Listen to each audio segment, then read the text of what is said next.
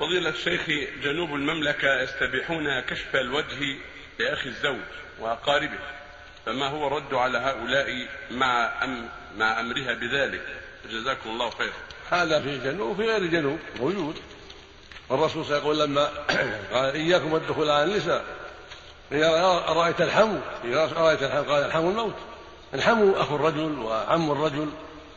فإذا تساهلت بالكشف له هذا من وسائل الشرع إذا تساهلت دل على ضعف إيمانها ودعاه ذلك إلى الطمع فيها.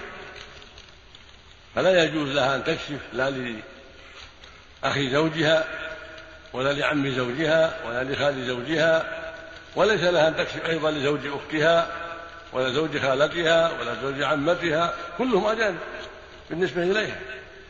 إنما الكشف يكون لأبي زوجها لجد زوجها لأولاد زوجها هؤلاء هم المحارم.